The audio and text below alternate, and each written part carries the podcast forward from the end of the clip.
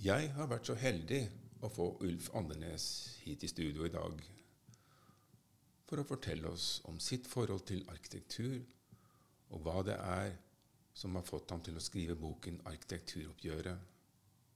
Men først noen ord om hans bakgrunn. Han ble utdannet som historiker i Oslo og Oxford. Han arbeidet lenge i Aftenposten i utenriksredaksjonen med både politikk og kultur. Han var korrespondent i London, Wien og Washington. I perioder dekket han byggeskikk, boligspørsmål og våre omgivelser. Som medarbeider i Bonytt bidro han til artikkelserien Norsk byggeskikk, arv, egenart og fornyelse. Han var med i styret i Fortidsminneforeningen, avdeling Oslo og Akershus, og før det i redaksjonen i bladet Fortidsvern. Nylig har han i samarbeid med stedsaktivisten Erling Åkenhaug utgitt boken 'Arkitekturoppgjøret vår invasjon av landskapet'. Der går han ut mot det han kaller en vandalisering av det norske landskapet gjennom brutal arkitektur og en utbygging som ikke tar hensyn til bygningsarv og miljø. Ulf, hjertelig velkommen til studio. Kan du si litt mer om ditt forhold til arkitektur, og hva som fikk deg til å skrive denne boken, 'Arkitekturoppgjøret'? Ja,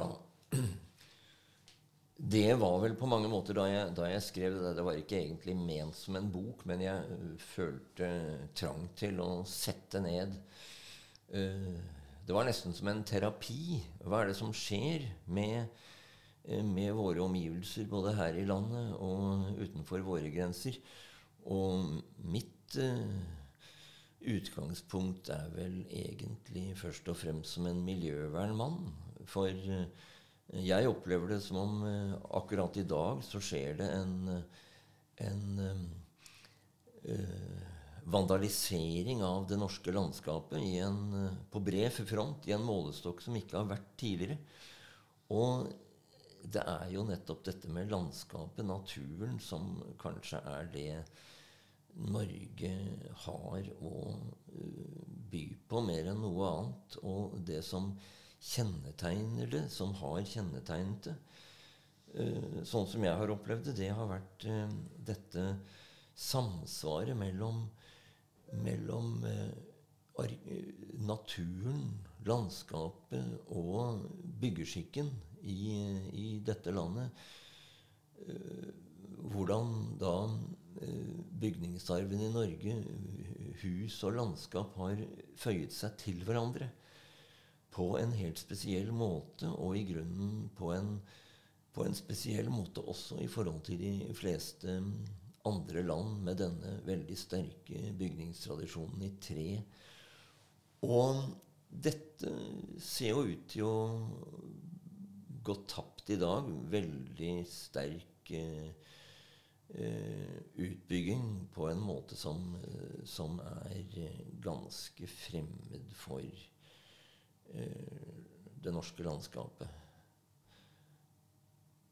Og det er eh, veldig sørgelig, fordi at eh, det har jo vært Når du har kommet rundt i norske forskjellige norske steder, tettsteder, småsteder og store og større, store og mindre byer.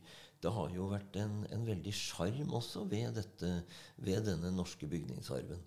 Som nå blir veldig eh, herjet, synes jeg nok. Så det er, det er jo én side ved det. Men en annen side er vel også det at eh, dagens, dagens eh, arkitektur er jo veldig eh, puritansk. Jeg for min del er ikke så puritansk av meg. Det er dette puritanske uttrykket. Eh, fryktelig barbert og nakent. Uh, uh, det kan være vanskelig å forsone seg med, syns jeg. En annen ting er jo hvordan dagens arkitektur eh, har det samme formspråket som gjelder overalt. Man kunne nær sagt si fra Los Angeles i vest og til Shanghai i øst og endra lenger. Der, der hvor man tidligere hadde en vrimmel av forskjellige formspråk eh, nasjonalt og regionalt og lokalt, så eh, blir det nå det samme formspråket over det hele, så man kan i grunnen ikke si kommer denne bygningen ifra det stedet eller det stedet, det landet. Det er uh, umulig å skjelne. Og da kan man jo si i f.eks. Um, i jordbruket monokulturer det er skadelig. Variasjon, mangfold, det er det som trengs, tror jeg, både når man dyrker, og når man bygger. Og en annen ting som da skjer, det er jo at eh, når man får det samme formspråket overalt, over hele landet, over hele verden, eh, da er det jo eh, på mange måter er det da den sterke som tar innersvingen på den mindre sterke. Det er eh, eh, det som står for mest penger, mest makt, som da skyver til side de eh, mindre sterke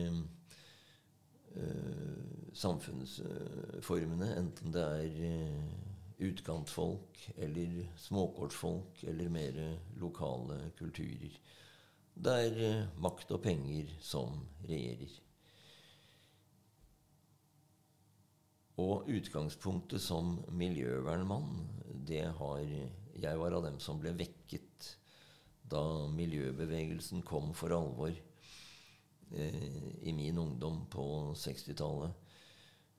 Eh, for meg så er denne denne sterkt uh, brutaliserte arkitekturen som sprer seg over det hele, uh, det kan også være som et bilde på hvordan menneskene i vår tid underlegger seg naturen og utbytter naturen på, og miljøet på en helt annen måte enn tidligere. At den den brutale utbyggingen eh, landet over og verden over, hvordan det da står som et bilde på hvordan menneskene, dagens mennesker, da eh, herjer med eh, miljøet. Eh, og selvfølgelig dagens byggeindustri, dagens utbygging, har jo virkemidler, redskaper, teknikk med en helt annen rekkevidde enn i tidligere tider. Er du enig i at uh, de menneskelige reaksjonene også er en del av uh, miljøbildet? Til de grader. Og der er det jo en av dem som uh, er verd å referere til, danske Jan Gehl, når han da kom med sin banebebrytende bok 'Livet mellom husene', om de sider som da Ved utviklingen som da har vært stemoderlig behandlet om menneskenes forhold til sine nære omgivelser. Eh, jeg intervjuet Jan Gehl eh, en gang allerede på 70-tallet, hvor han mente at eh, funksjonalismen hadde, hadde kommet til veis ende. For han, han, sa allerede den gangen at hvis da Le Corbusier, som blir gjerne sett på som en av funksjonalismens fremste opphavsmenn Hvis han hadde levet i dag, sa Jan Gehl, så ville han ha blitt forskrekket over de følger som eh, funksjonalismen og hele den ideologien hadde hørt til. fordi at da denne retningen utviklet seg i mellomkrigstiden, eh, da var det en del vitenskaper som ikke hadde kommet så langt, i likhet med, sa Jan Gehl, psykologien, psykiatrien, miljøforskningen, atferdsforskningen, hjerneforskningen og økologien. Disse tingene kom ikke med i regnskapet, eh, sa Jan Gehl, da, eh, da denne eh, såkalte modernistiske arkitekturen utviklet seg i mellomkrigstiden. Og det er jo det som det er vel det vi står for i dag, at, at uh, forskningen når det gjelder menneskelig atferd og hvordan mennesker reagerer for sine omgivelser, er kommet så mye lengre. Og det, det, skriver jeg et kapittel om i denne boka også. Der har jeg med en lang rekke atferdsforskere og hjerneforskere som da har gått inn i gjennom de siste uh, tiårene. Hvordan da menneskene reagerer på sine omgivelser. Og som man ikke var klar over den gang Corbusier og gutta virkelig satte i gang. Og der sier de, disse uh, forskerne på dette området de sier at nå er man kommet uhyre langt. Lenge var det sånn at man måtte nøye seg med å observere menneskers atferd utenfra og se hvordan uh, man kunne observere hvordan mennesker oppførte seg f.eks. når de var uh, inne i veldig sånn uh, nakne, mastodontiske omgivelser, og hvordan de oppførte seg da, og hvordan de oppførte seg når det var mer hjemlige og innbydende, vennlige omgivelser. I dag, sier de, i dag er man mye lengre, for i dag kan man faktisk installere eh, alle mulige slags sånne Eh, sånne eh, tekniske hjelpemidler som gjør at man kan eh, i, i, i den menneskelige syke innenfra måle hjernereaksjoner og, og sanseerfaringer på en helt annen måte enn tidligere.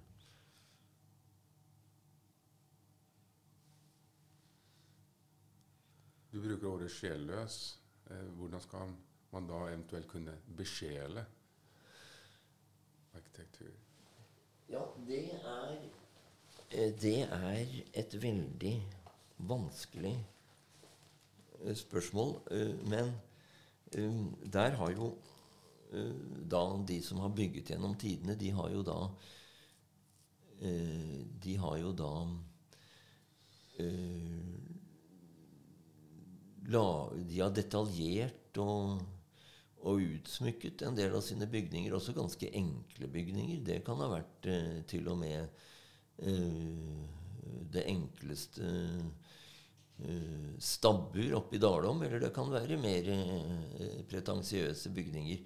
Det har, jo, det har, jo, alltid vært en trang til å, til å uh, gjøre litt ut av. Uh, uh, bygningene hvis man har lagt uh, virkelig litt uh, sjel og omtanke i det. Uh, det er synd at det skal være fullstendig tabu i vår tid. Men bare for å komme litt tilbake til dette med de psykiske virkninger.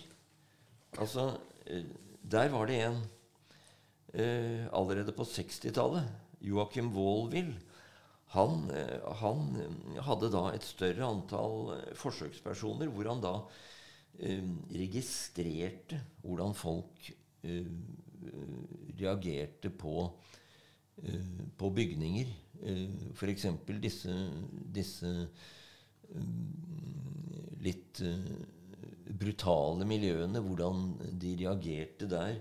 Og det samme, og det samme en som het Morse Bar og Michael Neta Eh, som da eh, registrerte hvordan folk, når de er i disse eh, uhyre uvennlige bygningsmiljøene, hvordan de da forter seg, prøver å komme ut av det så fort som mulig. Og samtidig dette med former spiller en rolle. Hvordan da de rund, mer avrundede og buede formene, hvordan det uh, da har virket mer innbydende på forsøkspersonene. Hvordan de har foretrukket uh, da disse mer buede, runde formene, mens derimot skarpe, rettvinklede og spisse former, det har da det, det, har de da vært mer, mer uh, forbeholdne for, fordi at det har sine assosiasjoner med noe uh, Det kan være assosiasjoner i retning det skarpe og det, det spissede, kniv, spyd, uh, det truende. Um, og, og, og der, der kunne disse psykologene se hvordan folk reagerte, henholdsvis med og trivsel og vantrivsel. Fremmedgjørelse og tilslutning. Og, det, og, det, som man merket seg, det var at i den kommersielle verden så tok de hensyn til dette. I, i design, utforming av produkter. Hva denne atferdsforforskningen hadde funnet ut. Mens derimot på, på arkitektskolene så ble det lagt mindre merke til.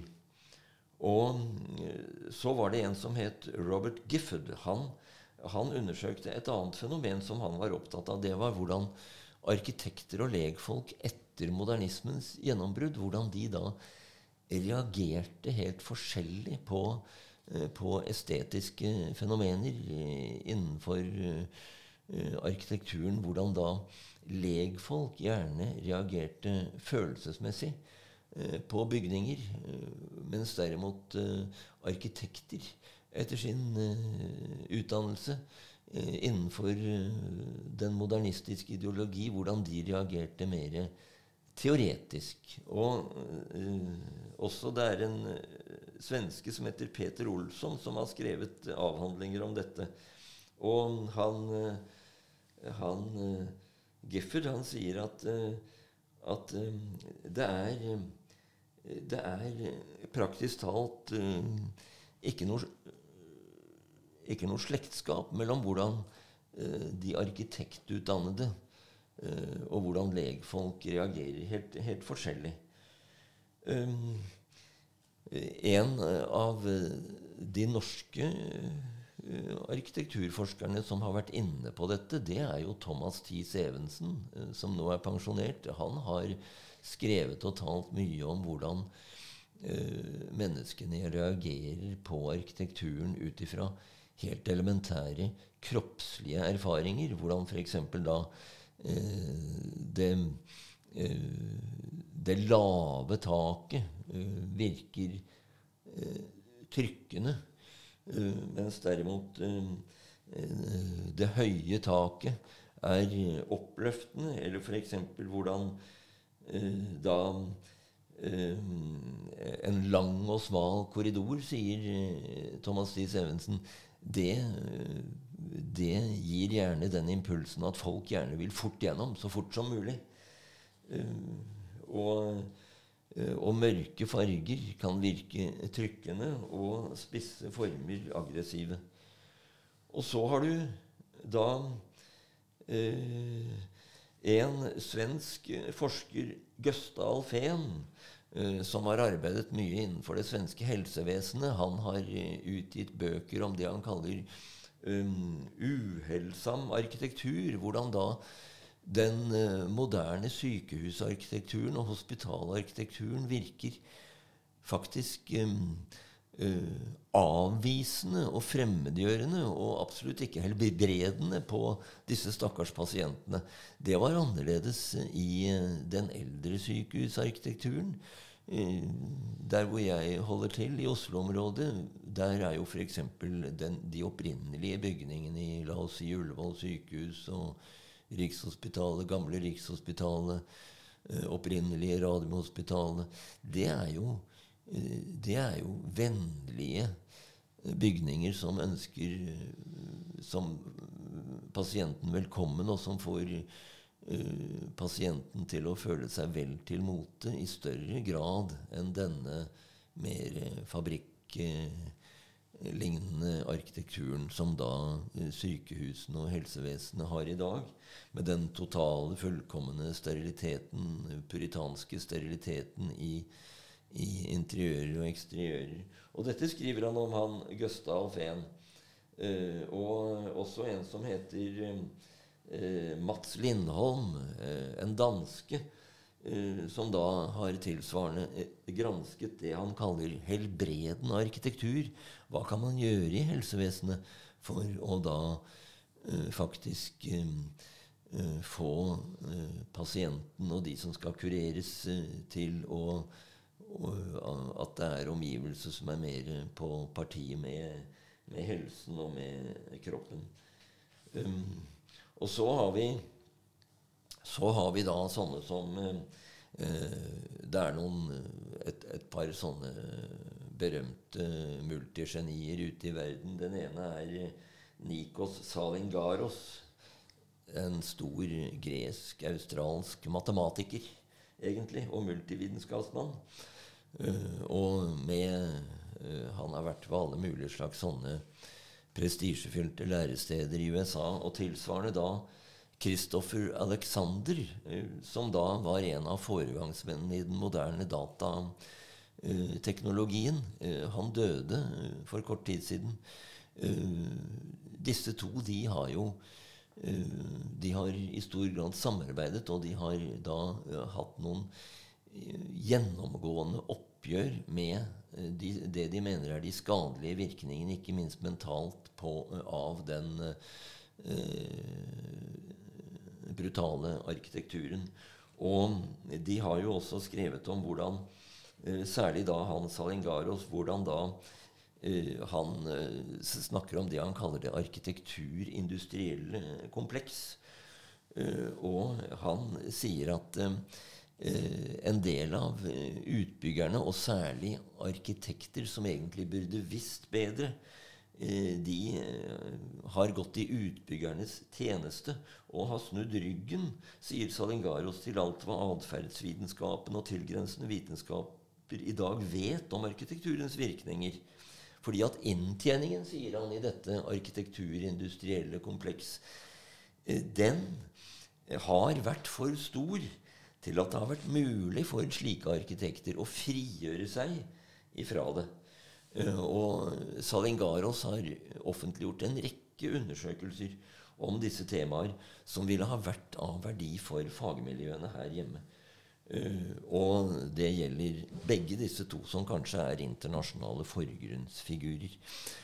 Og det som er så merkelig, synes jeg, det er at altså det jeg nå har listet opp i tur og orden, det er så mange nyvinninger i løpet av de siste årtiene når det gjelder atferdsvitenskapen og forholdet mellom mennesket, øh, den menneskelige syke og omgivelsene, som er kommet.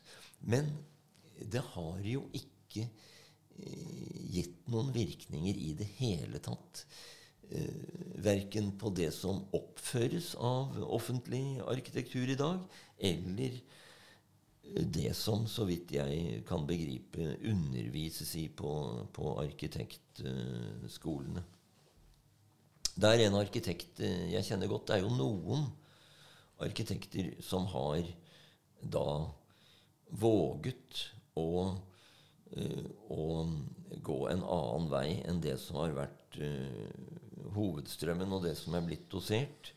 En av dem, som er praktiserende arkitekt, han sier til meg at uh, arkitekturutdannelsen, i hans tilfelle da ved Arkitekthøgskolen i Oslo, så vidt jeg uh, har forstått, han sier at for meg var den arkitekturutdannelsen det var som en sammenhengende hjernevask, sier han.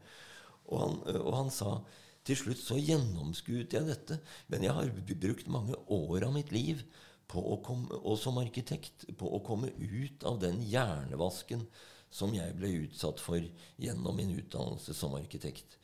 Og det er jo veldig sterke ord, da, og jeg er jo selv ikke, ikke arkitektutdannet, så jeg kan ikke uh, uttale meg med noe egen erfaring om dette, men jeg registrerer uh, at uh, han og enkelte andre som da har våget å gå motstrøms, de har da det synet. Og de har jo måttet Det har jo kostet dem dyrt da å gå motstrøms i dette miljøet, fordi at de har vel da vært uh, uglesett i miljøet. Og de har vel ikke akkurat vært av dem som er blitt innbudt til uh, de store arkitekturkonkurranser, eller, uh, eller fått den store omtale, skulle jeg tro.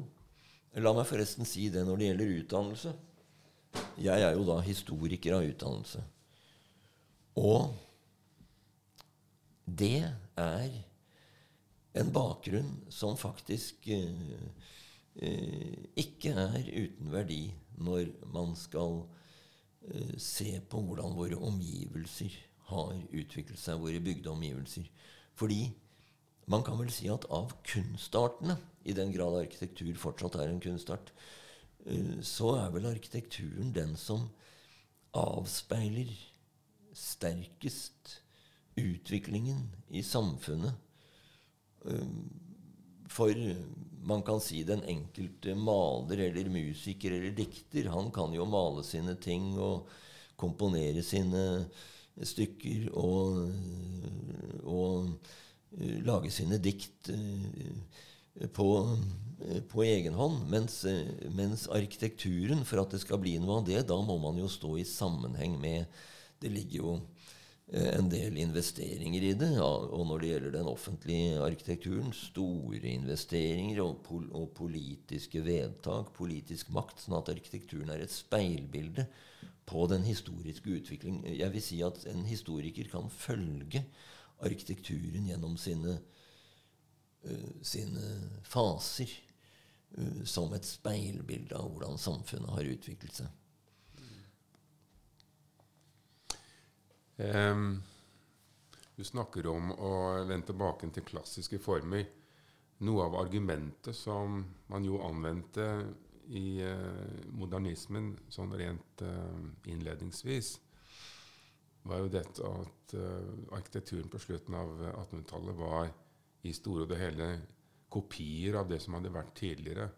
Og altså derfor ikke et genuint uttrykk for um, hvor mennesker befant seg på det eh, tidspunktet. Vi, vi, snakker nå om å besjele eh, arkitektur. Men eh, så, så, det der å låne eh, et sjelelig uttrykk fra tidligere eh, kan derfor ikke være et uttrykk for hvordan man besjeler seg i nåtid.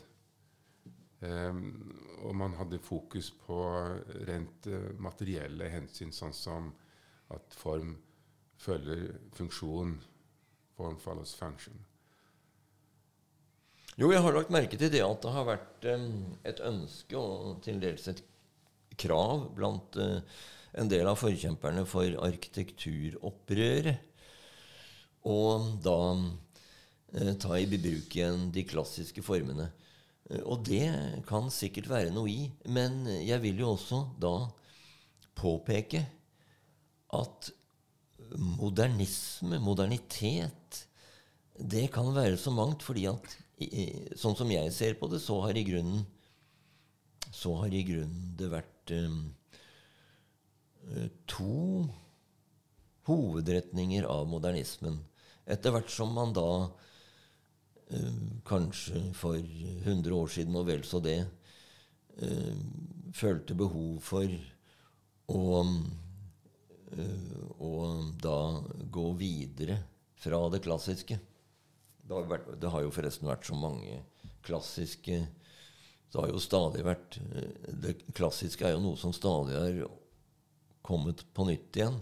Du hadde Sånn som jeg har da sett det, så hadde man jo i etter en periode på slutten av 1800-tallet her i landet f.eks., hvor man hadde både uh, sånn um,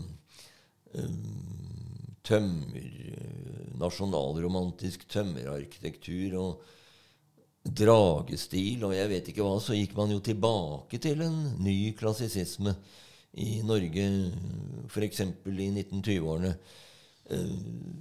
Så det har vært så mange klassisismer. Men, men egentlig dette med, dette med, modernisme Det trenger jo ikke være den modernismen som da Corbusier og disse Eh, puritanerne sto for. Det var jo også den, den, organiske modernismen som hadde gått videre fra det klassiske i form av eh, det som i noen land het Art Nouveau, og i andre land het Jugendstil. Eh, hvor man da hadde en, en Det ble vel kalt den organiske modernisme, hvor man prøvde å frigjøre seg ifra industriell, industrielle mønstre og mer prøve å forme tingene etter naturens former. Fordi at både Are Nouveau og jugendstilen de, de, hadde vel som en målsetting at uh, arkitekturen skulle prøve å etterligne formene i naturen. Og det samme da med sånne avleggere av dette, sånn som denne Det heter vel i Sentral-Europa secessionismen. Ikke minst i Wien ser man mange eksempler på det. Og i, så hadde man sånne som Gaudi. Eh, den berømte Gaudi med denne eh, katedralen sin i Barcelona og en masse boligbygging som han gjorde. Eh, hele tiden dette å etterligne naturens former. Så der var det Og så hadde du nærmere vår tid, helt opp til den aller nærmeste tid, hadde man sånne som Hondertvasser han var jo også en østerriker. Eh, og jeg bodde en, eh, en, periode av mitt liv i Wien. Og når man ser hvordan østerrikeren Hondertwasser, som opprinnelig var billedkunstner, hvordan han da laget sine, sine helt helt nesten usannsynlig frodige byggverker, og, og, hele tiden med den målsetting å etterligne naturen. Eh, hele denne retningen og hele denne Eh, delen av modernismen, fra Art Nouveau og Jugend og Gaudi og sensasjonisme og Hundertwasser, det var jo den modernismen som da gjerne ville efterligne naturens former. Men den har tydeligvis tapt for denne maskinen, eh, rettvinklede, puritanske maskinmodernismen. Egentlig to rivaliserende modernismer, sånn som jeg oppfatter det. Og jeg tror at det som gjorde at denne maskinmodernismen vant, det må vel være fordi at den har vært så mye lettere å masseprodusere. Og virkelig da eh, spy ut eh, fabrikkmessig. Og det har vel ikke vært så lett for denne organiske modernismen. Eh, som jeg da tenker helt tilbake på William Morris og disse store uh, kunsthåndverkerne på 1800-tallet som da representerte en reaksjon, kan man si, på uh, industrialismen derimot, og masseproduksjonen, mens derimot uh, um, Corbusiers retning har vel da dyrket masseproduksjonen og industrialismen. For ikke å snakke om de mer ekstreme avartene, da, sånn som disse her eh, såkalte futuristene, Marinetti, som hadde en sånn demagogi hvor de da uh, kom med 'riv alt det gamle', 'riv museene', 'vi skal ha den moderne, pulserende, industrielle'. De endte jo forresten som fascister, de der uh, futuristene. Det er jo ganske Uh, tankevekkende at denne retningen av modernismen endte i fascisme. Marinetti han var jo til og med frontkjemper på østfronten for Mussolini. Alle disse som skal brunskvette det klassiske og kommer trekkende med Albert Speer som en klassisk uh, arkitekt for Hitler. De har sannelig sine svin på skogen, disse modernistene også. Ok, um Personlig så er jeg veldig opptatt av forhold mellom årsak og virkning.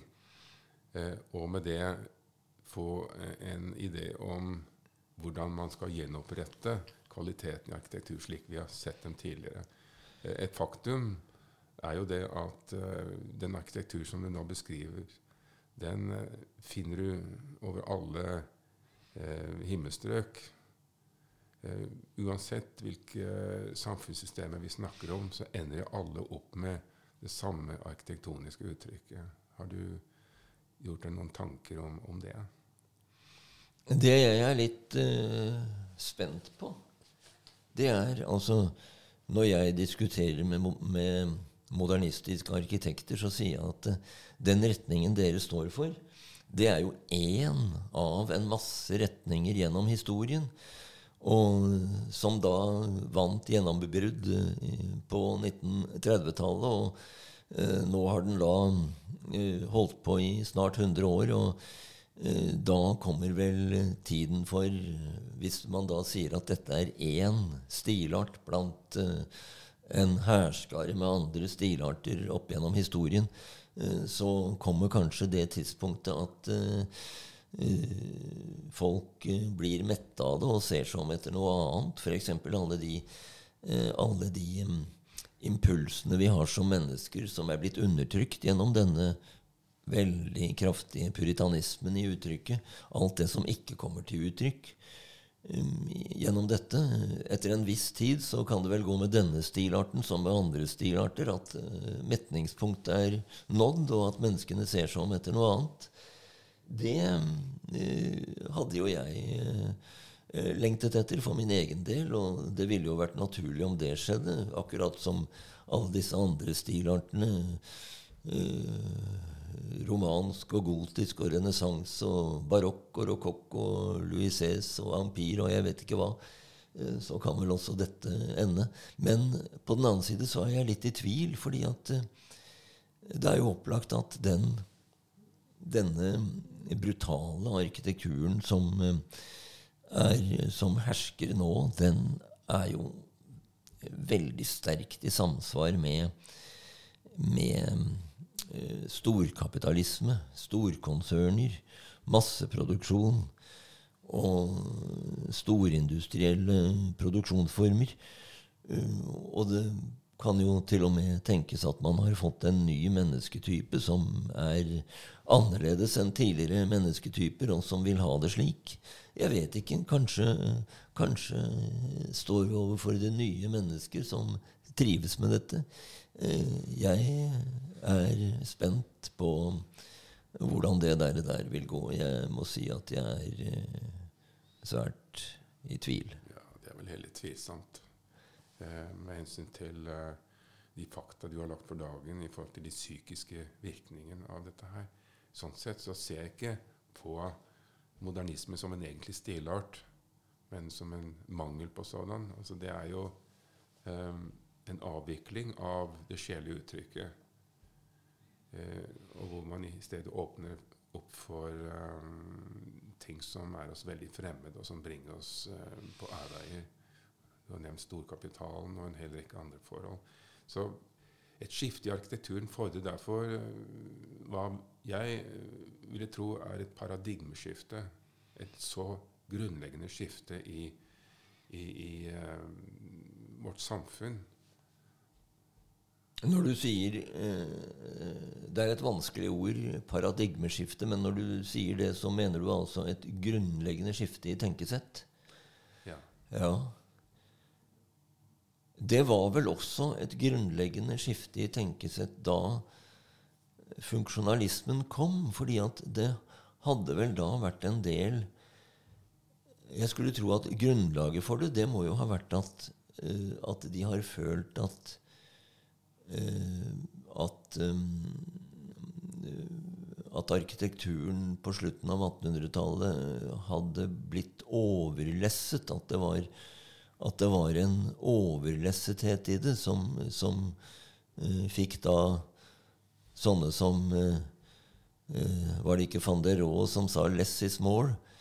Og mye av den tidlige funksjonalismen var jo elegant og vakker. Jeg tenker på det når jeg ser f.eks. Ekeberg-restauranten i Oslo, eller når jeg ser Valstrand bad og sånne byggverker, så ser jeg at dette er en harmonisk, vakker, enkel form som de fleste vil eh, egentlig like. Men man føler vel også at de arkitektene som bygde de tingene der, de hadde bak seg en klassisk utdannelse eh, hvor de hadde lært om former og proporsjoner og den slags, som da senere er gått tapt når, har, når det har da utviklet seg i retning denne brutale formen hvor da mastodontene bare deiser nedover oss. Men øh, jeg har kanskje ikke svart ordentlig på på dette spørsmålet om hvordan man skal komme videre fra, fra denne brutale uh, byggeriet. Og noe av det er jo rett og slett å gi mer medbestemmelsesrett til de lokale krefter. At folk får en medbestemmelsesrett i hvordan de ønsker omgivelsene på stedet der de bor, skal utformes. Eh, for det har jo vist seg gang på gang på gang at når folk får medbestemmelse, så vil de jo ikke ha disse herre kolossene og mastodontene og disse nakne, brutale formene. Eh, når folk selv får et ord med i laget, da vil de jo ha noe som, som de kan eh, trives med. Og en annen ting som er veldig viktig, da, det er at når offentlige myndigheter og politikere lager sine planer og vedtak, at dette blir formidlet i tide fra et tidlig tidspunkt, sånn at folk vet hva som henger over dem. Der eh, kan man jo oppleve de utroligste ting. Jeg var, i, jeg var med i, i, styret i Fortidsminneforeningen, og da det kom dette, eh, dette opplegget med den nye den nye kommuneplanen for Oslo. Da oppdaget jo folk f.eks. oppe på Grefsen eh, at området der de bodde i, små hus, der var det planlagt at det skulle erstattes og rives med mastodonter. Og der hvor, ble, hvor folk ble klar over det, det var av alle absurde ting i det lokale menighetsbladet, hvor de hadde fått tak i dette. fordi at ellers så hadde planene vært så ugjennomtrengelige og uforståelige eh, for folk på stedet at det hadde ikke gått opp for dem før det da var eh, et lyst hode som da publiserte hva dette egentlig betydde i menighetsbladet. Altså at, at uh, folk på det lokale stedet får rede på tingene. At det blir formidlet skikkelig i utgangspunktet, og at de får medbestemmelse, det er i hvert fall et skritt på veien til en bedring. Da sier vi takk til Ulf Andenes. Um, vi vil fortsette med eh, samtale om dette temaet også i en podkast noe senere.